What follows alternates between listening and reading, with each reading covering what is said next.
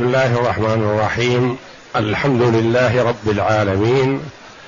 والصلاة والسلام على نبينا محمد وعلى آله وصحبه أجمعين. وبعد. أعوذ بالله من الشيطان الرجيم. وأتموا الحج والعمرة لله فإن احسرتم فما استيسر من الهدي. ولا تحلقوا رؤوسكم حتى يبلغ الهدي محله. فمن كان منكم مريضا أو به أذى من رأسه ففدية من صيام أو صدقة أو نسك فإذا أمنتم فمن تمتع بالعمرة إلى الحج فما استيسر من الهدي فمن لم يجد فصيام ثلاثة أيام في الحج وسبعة إذا رجعتم تلك عشرة كاملة. ذلك لمن لم يكن أهله حاضر المسجد الحرام. واتقوا الله واعلموا أن الله شديد العقاب. هذه الآية الكريمة من سورة البقرة.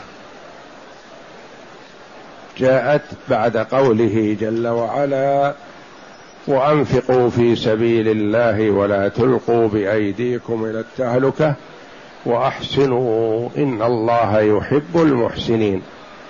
وقبلها آيات القتال في سبيل الله.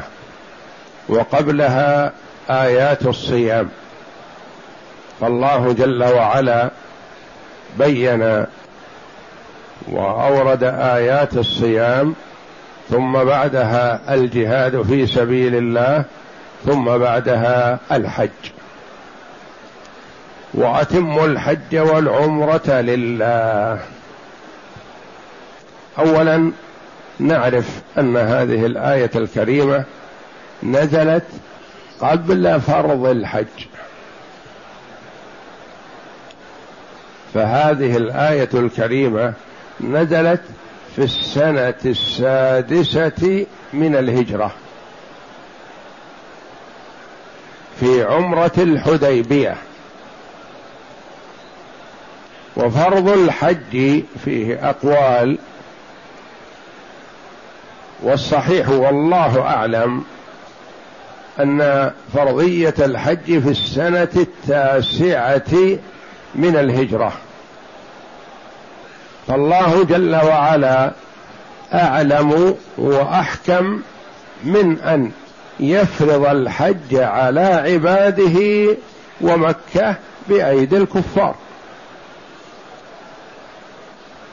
لأنهم لا يستطيعون ذلك. وفتح الله جل وعلا لرسوله صلى الله عليه وسلم والمؤمنين مكة في السنة الثامنة من الهجرة. وكان الحج معلوم في الجاهلية لأنه من دين إبراهيم على نبينا وعليه أفضل الصلاة والسلام. فكانوا في الجاهلية يحجون. لكن فرضيته على المسلمين كانت والله أعلم في السنة التاسعة بعدما صارت مكة بلد إسلام.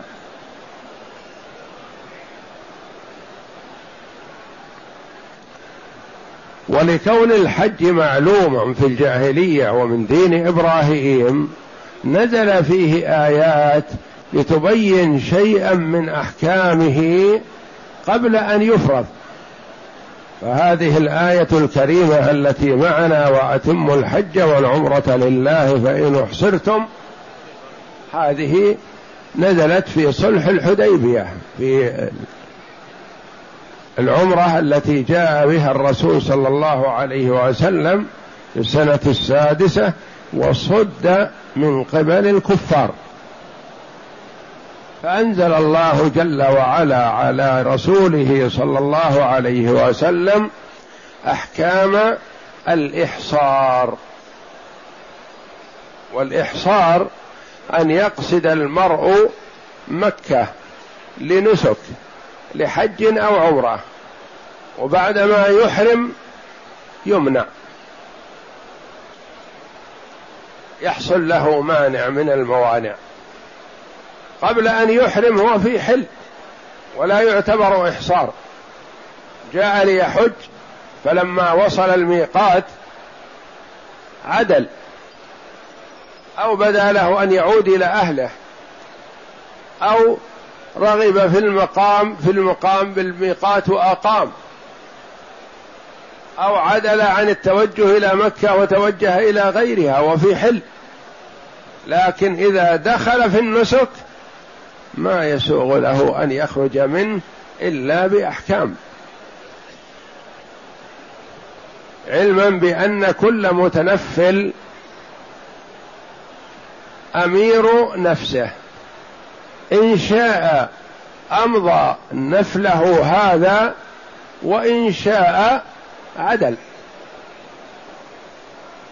دخل في صلاة نافلة صلى ركعة ثم بدا له أن ينصرف. لا حرج عليه ولا إثم والحمد لله. ما دامت نفل ما يلزمه إتمامها. أخرج الدراهم ليتصدق بها. فتصدق ببعضها واحتفظ بالبعض الآخر لنفسه أو اشترى بها شيئا لأهله. لا حرج عليه والحمد لله. صام يوما نفلا. ثم دعي من قبل أحد جيرانه أو أتاه ضيف وأراد أن يتحلل من صيامه لا حرج عليه ما دام نفل. فالمتنفل أمير نفسه إن شاء أمضى هذا النفل وأتمه هذا أفضل والله جل وعلا يقول ولا تبطلوا أعمالكم وإن شاء عدل عنه وتركه سوى الحج والعمرة. فهذه الآية الكريمة التي معنا دلت على أن من دخل في حج أو عمرة يلزمه إتمامهما حتى وإن كانا نفلا. من دخل في حج وعمرة ولو أنه قد حج واعتمر عشرات السنين إلا أنه دخل وأحرم فيلزمه الإتمام. لقوله تعالى واتموا الحج والعمرة لله. كأن قائلا يقول يا ربي لن أترك إتمام الحج لكن إذا أرغمت على ذلك إذا منعت إذا مرضت وما استطعت أن أكمل فما الحكم؟ أنزل الله جل وعلا فإن أحصرتم فما استيسر من الهدي.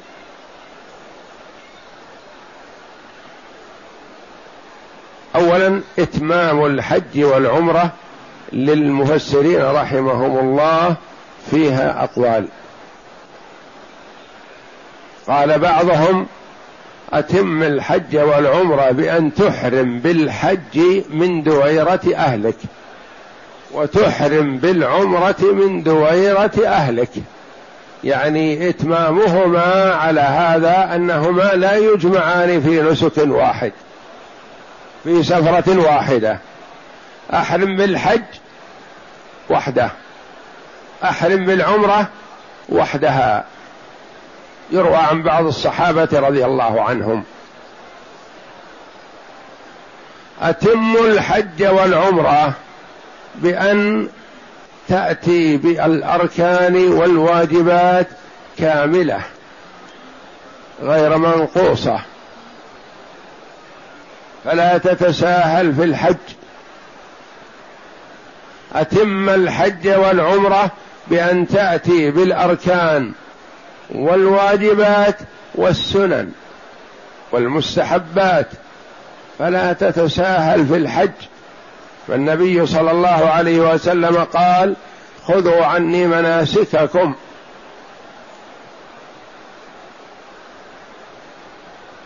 اتموا الحج والعمرة إذا دخلتم في الحج فأتموه. إذا دخلتم في نسك العمرة فأتموه. أقوال للمفسرين رحمهم الله. ويفهم من هذه الآية الكريمة وجوب الاعتناء بالحج.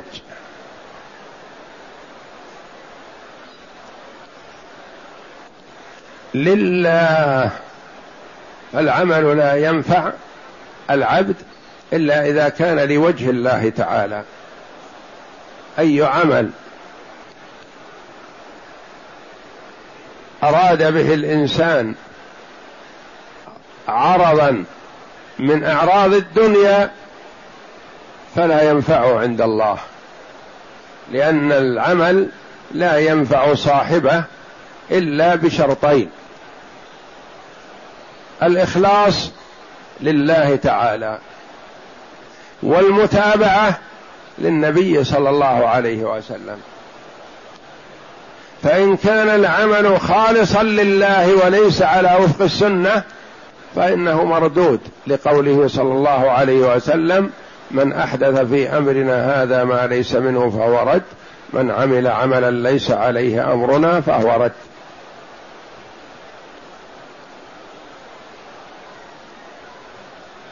وهذا مثل أعمال المبتدعة. بعض المبتدعة يخلص لله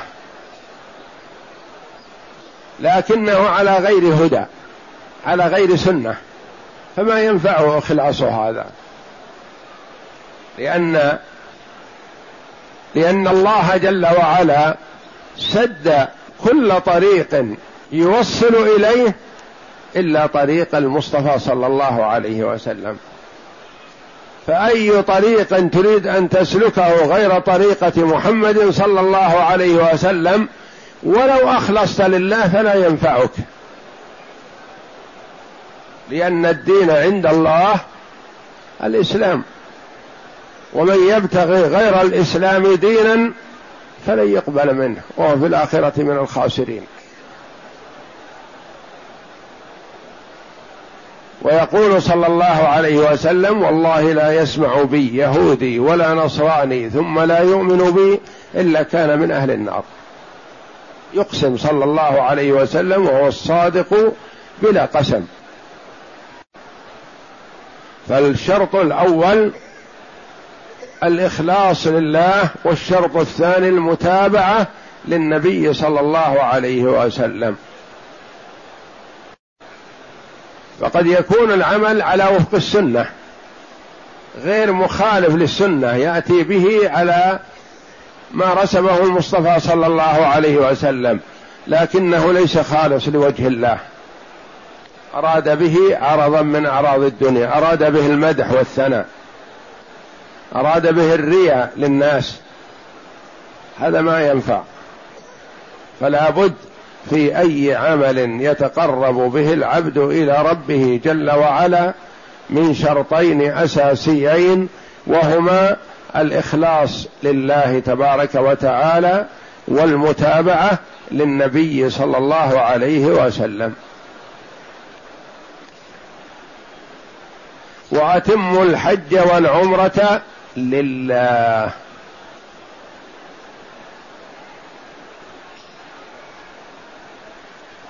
في قراءة وأتموا الحج والعمرة لله. يعني أن الأمر بإتمام الحج فقط والعمرة تكون لله ما أمر بإتمامها. وهذه قراءة ضعيفة. وأتموا الحج والعمرة لله. فإن أحصرتم في كتب الفقه وكتب المناسك باب الإحصار. الإحصار. ما المراد بالإحصار؟ قولان للعلماء رحمهم الله. قيل المراد بالإحصار من صده العدو عن إتمام نسكه. كما صد رسول الله صلى الله عليه وسلم في السنة السادسة من الهجرة عام الحديبية عن إتمام نسكه صلى الله عليه وسلم.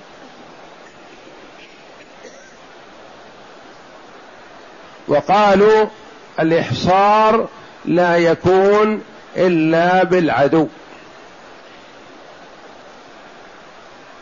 القول الآخر أن الإحصار ما أي شيء منع المسلم من أداء نسكه.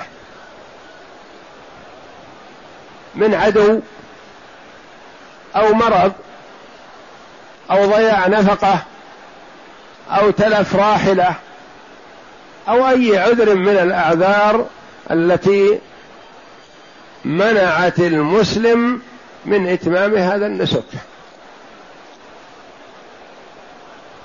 أحرم فمرض ما يستطيع إتمام النسك. أحرم فضاعت نفقته ما يستطيع إتمام نسكه. أحرم فخربت به السيارة في الطريق ما يستطيع إتمام نسكه.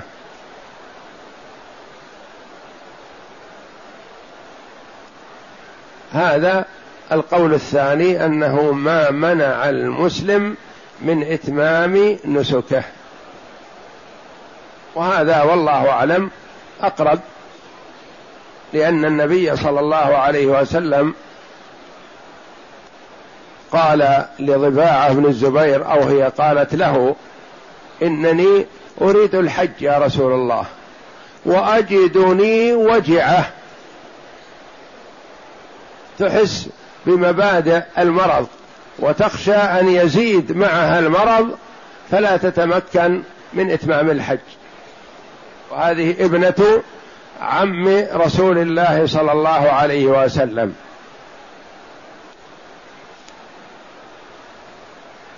رباعة بنت الزبير ابن عبد المطلب.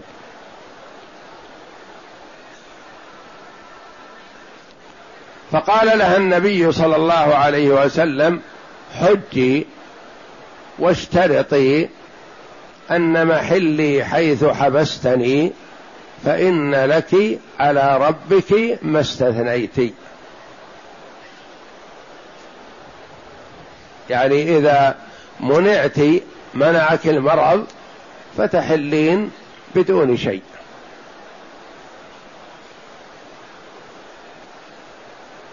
فالإحصار قيل هو ما كان من قبل العدو فقط وقيل ما صد المسلم ومنعه من إتمام نسكه.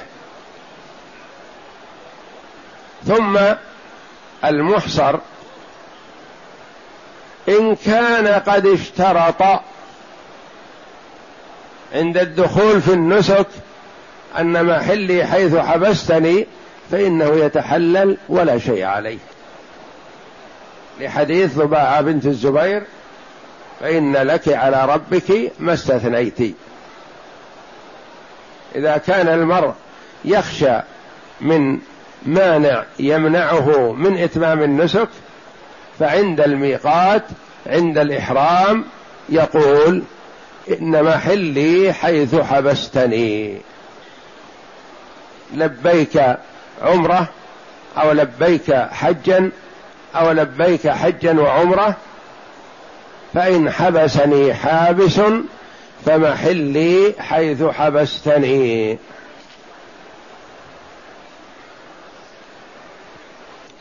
فإذا قال هذا القول وحبسه حابس فإنه يلبس ثيابه ويتحلل من نسكه ويحلق رأسه ولا شيء عليه لأنه استثنى وقد حبس.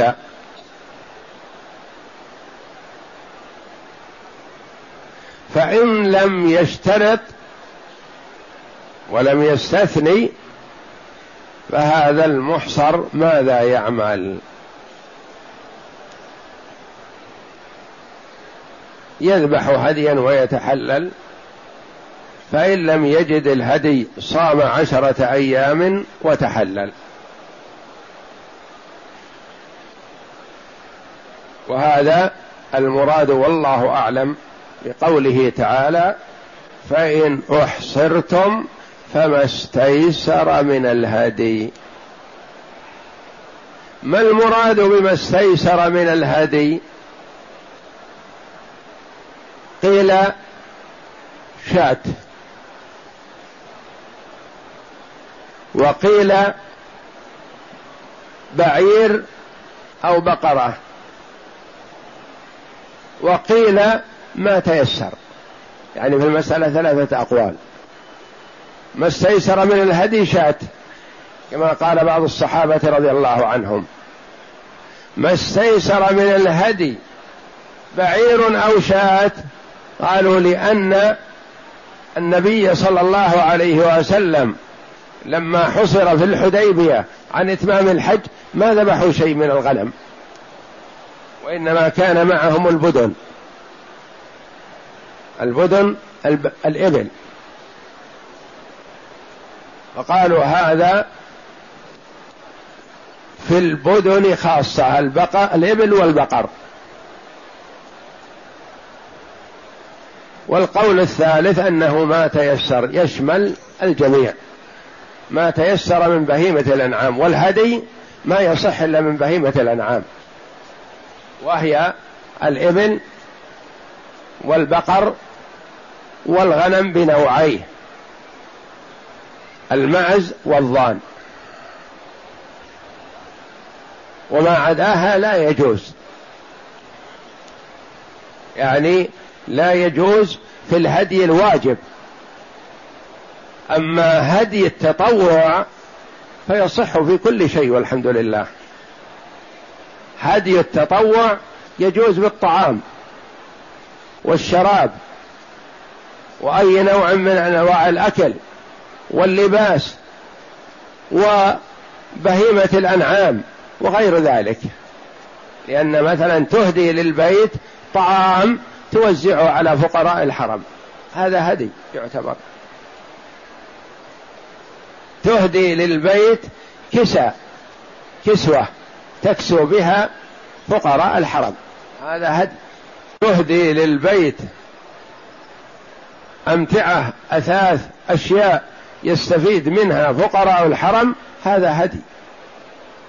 لكن نعرف أنه ما يصح بالهدي الواجب لتمتع أو قران أو لترك واجب أو فعل محظور.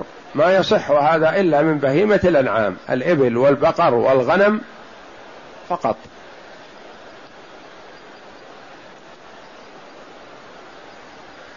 فإن أحصرتم فما استيسر من الهدي. كلمة ما استيسر فيها رفق ورحمة من الله جل وعلا بعباده. حسب المتيسر. فالموسر مثلا زاد في الهدي هذا حسن. الفقير أدى الواجب هذا يكفيه. اما استيسر من الهدي. شريعة الإسلام فيها اليسر والسهولة.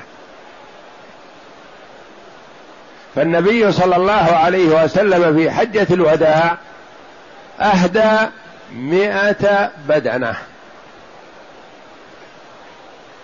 مئة بدنة. والبدنة عن سبعة. ومن أهدى شاة من الضان لها ستة أشهر أو من المعز لها سنة تجزي عنه.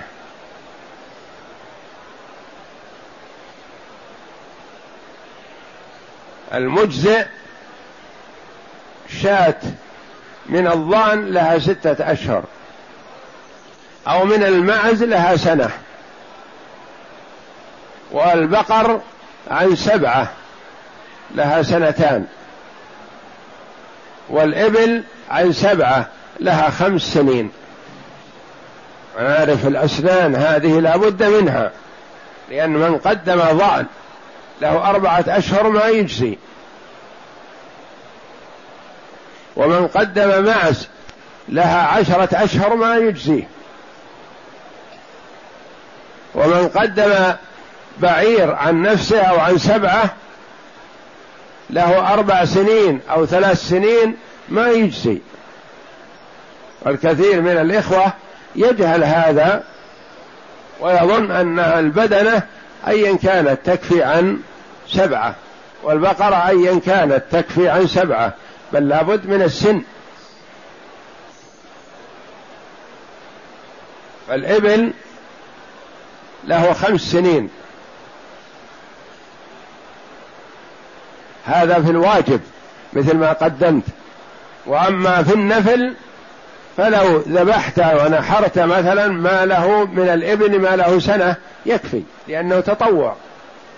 تقرب إلى الله جل وعلا بإراقة الدم الدماء وإطعام الفقراء والمساكين. هذا قربة. لكن عن شيء واجب لابد يكون مستكمل. فإن أحصرتم فما استيسر من الهدي. النبي صلى الله عليه وسلم حصر وهو أفضل الخلق على الإطلاق. وهو رسول الله صلى الله عليه وسلم حقا. وهو خاتم النبيين والمرسلين وأفضلهم وإمامهم. وهو أفضل عباد الله. والبيت بيت الله. وحصر صلى الله عليه وسلم منع من الدخول إلى بيت الله.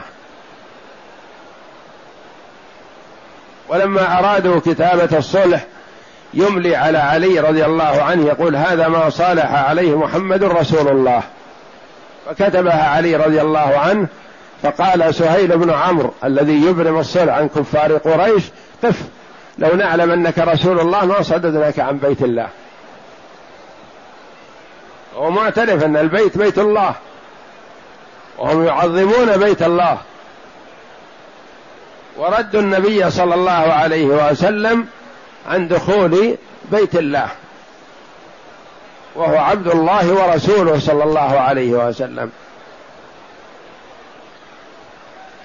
لحكمة يعلمها الله جل وعلا. وإلا فالله جل وعلا قادر على أن يدخل رسوله بيته على أي صفة شاء سبحانه وتعالى. ولا يقف في وجهه لا كافر ولا غيره. لكن لحكمة وليشرع للعباد إذا صد المسلم عن بيت الله لسبب من الأسباب مثلا فله في رسول الله صلى الله عليه وسلم أسوة. فما استيسر من الهدي. ولا تحلقوا رؤوسكم حتى يبلغ الهدي محله. اللي ما يجد هدي يصوم عشرة أيام عن الهدي ثم يتحلل. ولا تحلقوا رؤوسكم يعني لا تتحللوا لأن التحلل يحصل بحلق الرأس. وحلق الرأس أو التقصير نسك. يلزم بتركه هدي. لا تحلقوا رؤوسكم لا تتحللوا إذا أحصرتم حتى تذبحوا الهدي. أين محل الهدي حتى يبلغ الهدي محله؟ قيل المراد يبلغ محله يعني يذبح في الحرم. والهدي محله الحرم. حتى يذبح الهدي في الحرم فتتحلل. يبعث الهدي إلى مكة فيذبح فإذا ذبح يتحلل المحصر خارج مكة. وقيل دم الإحصار ودم المخالفة بترك واجب أو فعل محظور حيث وجد سببه. يعني حتى يذبح الهدي في أي مكان لأنه قد يكون المرء محصر ما يستطيع يوصل الهدي إلى مكة. لو يستطيع ايصال الهدي إلى مكة وصلها بنفسه لكنه ما يستطيع فيذبح الهدي في محله وهذا هو الأقرب والله أعلم. حتى يبلغ الهدي محله يعني يذبح وينحر في المكان المناسب في المكان الذي أحصرت فيه. هذا في الإحصار. فإن كان مع الإنسان شيء مرض ولا ألم ولا اضطر إلى فعل محظور فقال جل وعلا فمن كان منكم مريضا أو به أذى من رأسه ففدية من صيام أو صدقة أو نسك. كعب بن عجرة رضي الله عنه. اشتهر حديثه هذا لأن الآية يقول نزلت في خاصة وهي لكم عامة.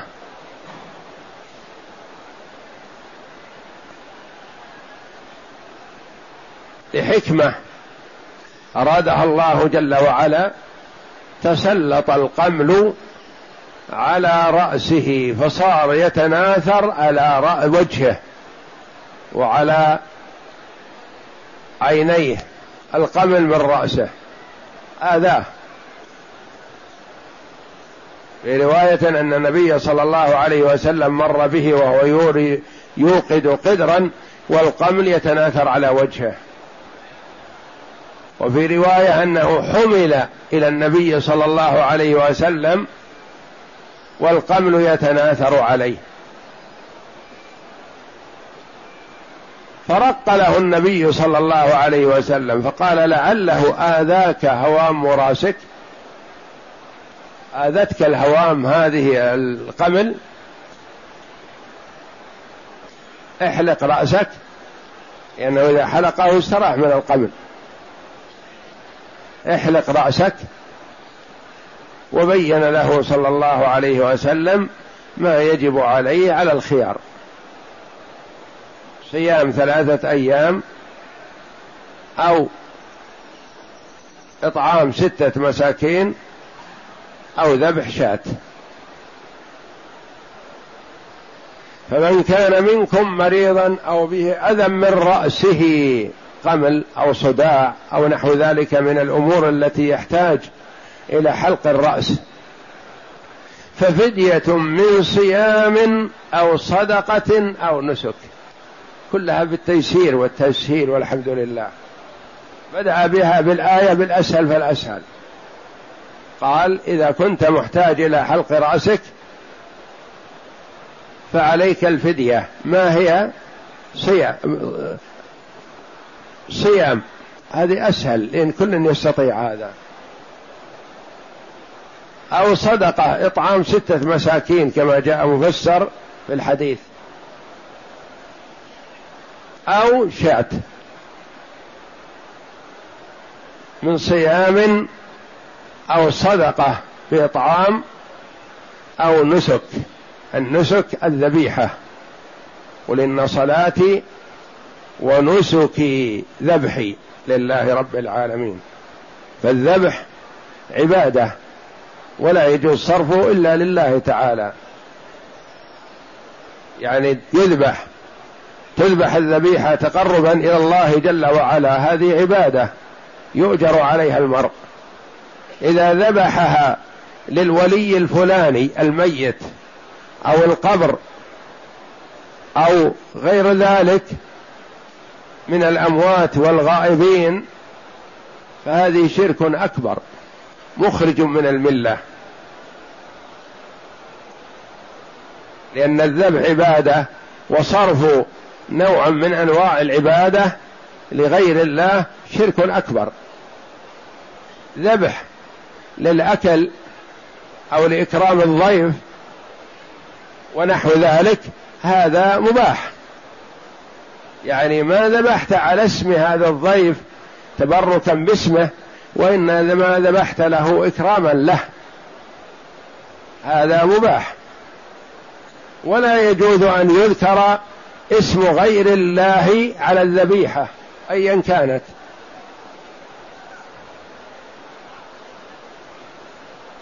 فالذبح لله جل وعلا عبادة وقربة لله جل وعلا يثيب الله عليها والذبح على اسم غير الله من ولي وجني أو ملك أو ميت أو غائب هذا شرك أكبر.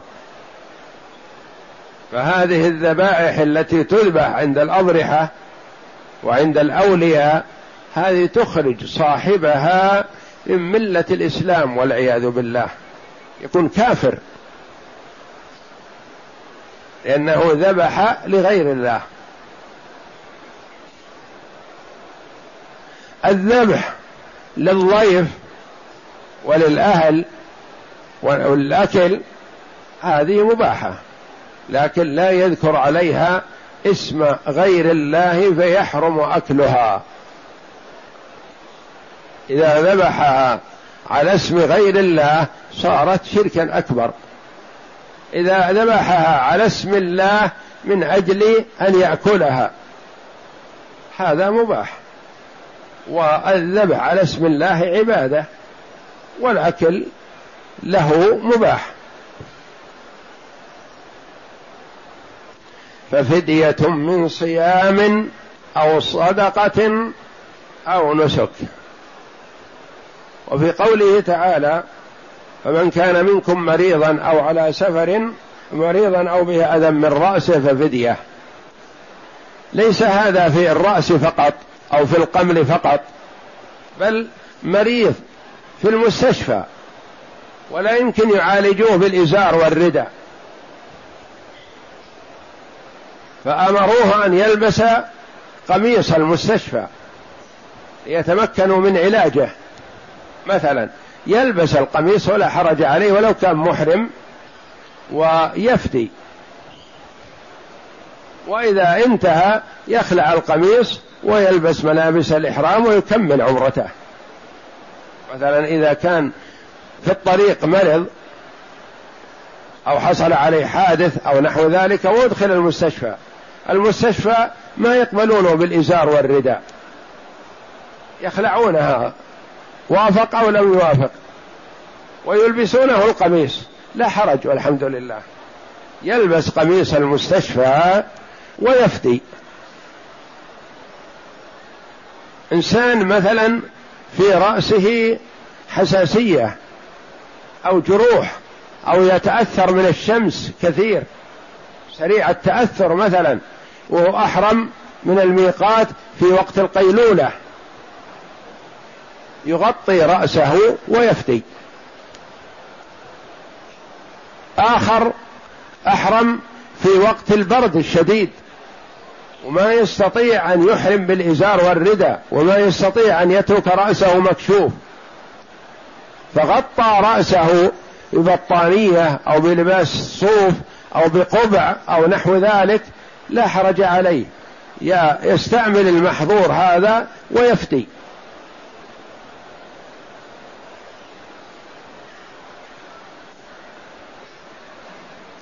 ومن يستعمل المحظور يفدي على أنواع.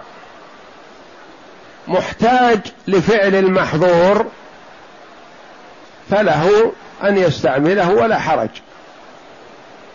غير محتاج لفعل المحظور وإنما ترفه. هذا ما يجوز له تلاعب في النسك ويجب عليه الهدي. فعل المحظور نسيانا أو جهلا مثل غطى رأسه ناسي أو جاهل أو المرأة لبست البرقع جاهلة أو ناسية هذا لا شيء عليه.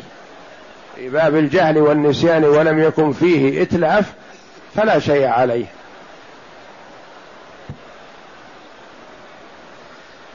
فمن كان منكم مريضا أو به أذى من رأسه ففدية من صيام أو صدقة أو نسك هو بالخيار. أو هذه التي للتخيير.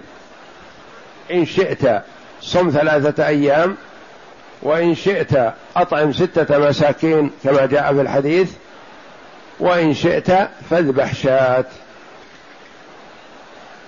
فإذا أمنتم استطعتم أن تدخلوا مكة وتخرجوا بأمان هذا بشارة من الله جل وعلا بأنه سيحصل هذا. أنتم الآن في الحديبية محصورون ممنوعون من دخول مكة لكن سيأتي إن شاء الله الوقت الذي تأمنون فيه.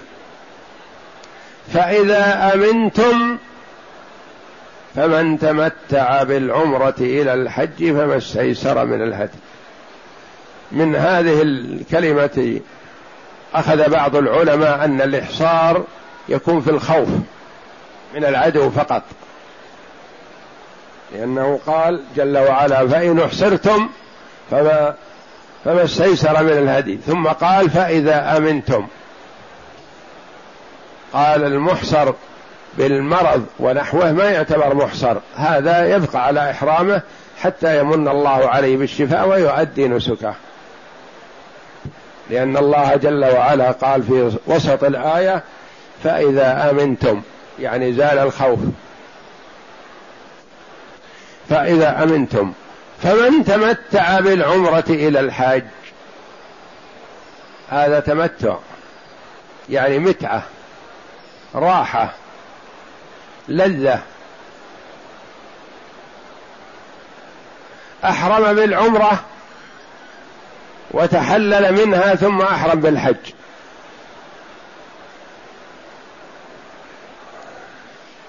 أحرم بالعمرة وحدها ورجع إلى بلاده ثم أحرم بالحج وحده.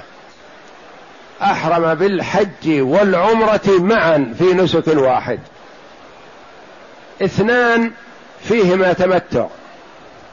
واحد الثالث ما فيه تمتع. هذا الذي أحرم بالعمرة من بلده وأداها ورجع إلى بلده. ثم جاء إلى الحج بالحج فقط. هل تمتع بشيء؟ لا. ولهذا هذا ما عليه هدي. لأنه سافر للعمرة سفرة وسافر للحج سفرة أخرى. الذي أحرم بالحج والعمرة معا. وأداهما في نسك واحد في إحرام واحد. قارن يعتبر. هذا تمتع. ما هو نوع تمتعه؟ أنه أتى بنسكين في سفرة واحدة وسقطت عنه بعض أحكام أفعال العمرة دخلت في الحج. القارن ليس عليه إلا سعي واحد. القارن ليس عليه إلا طواف واحد واجب. الطواف الأول طواف قدوم ليس بواجب. هذا تمتع. تمتع بسقوط الطواف عنه ما بقي عليه إلا واحد. تمتع بسقوط السعي عنه في العمرة ما بقي ما عليه إلا سعي الحج والعمرة يكفيهما سعي واحد. تمتع بكونه خرج من أهله للحج والعمرة بسفرة واحدة. وربما يكون ما خرج من أهله إلا يوم عرفة. وأحرم بالحج والعمرة معا ونزل في عرفة. هذا تمتع. عليه هدي. الآخر المتمتع الذي أحرم بالعمرة من الميقات ثم دخل مكة وتحلل واستمتع بما أحل الله له من زوجة وتقليم أظافر. ولبس المخيط واستعمال الطيب وحلق الشعر أو تقصير الشعر المباح له كالشارب والعانة والرأس وغير ذلك. مما يباح له. أما اللحية فلا يجوز حلقها. لا في نسك ولا في غيره. هذا تمتع. فهذان المتمتعان يجب عليهما هدي. فمن تمتع بالعمرة إلى الحج فما استيسر من الهدي. الحمد لله كله في اليسر والسهولة.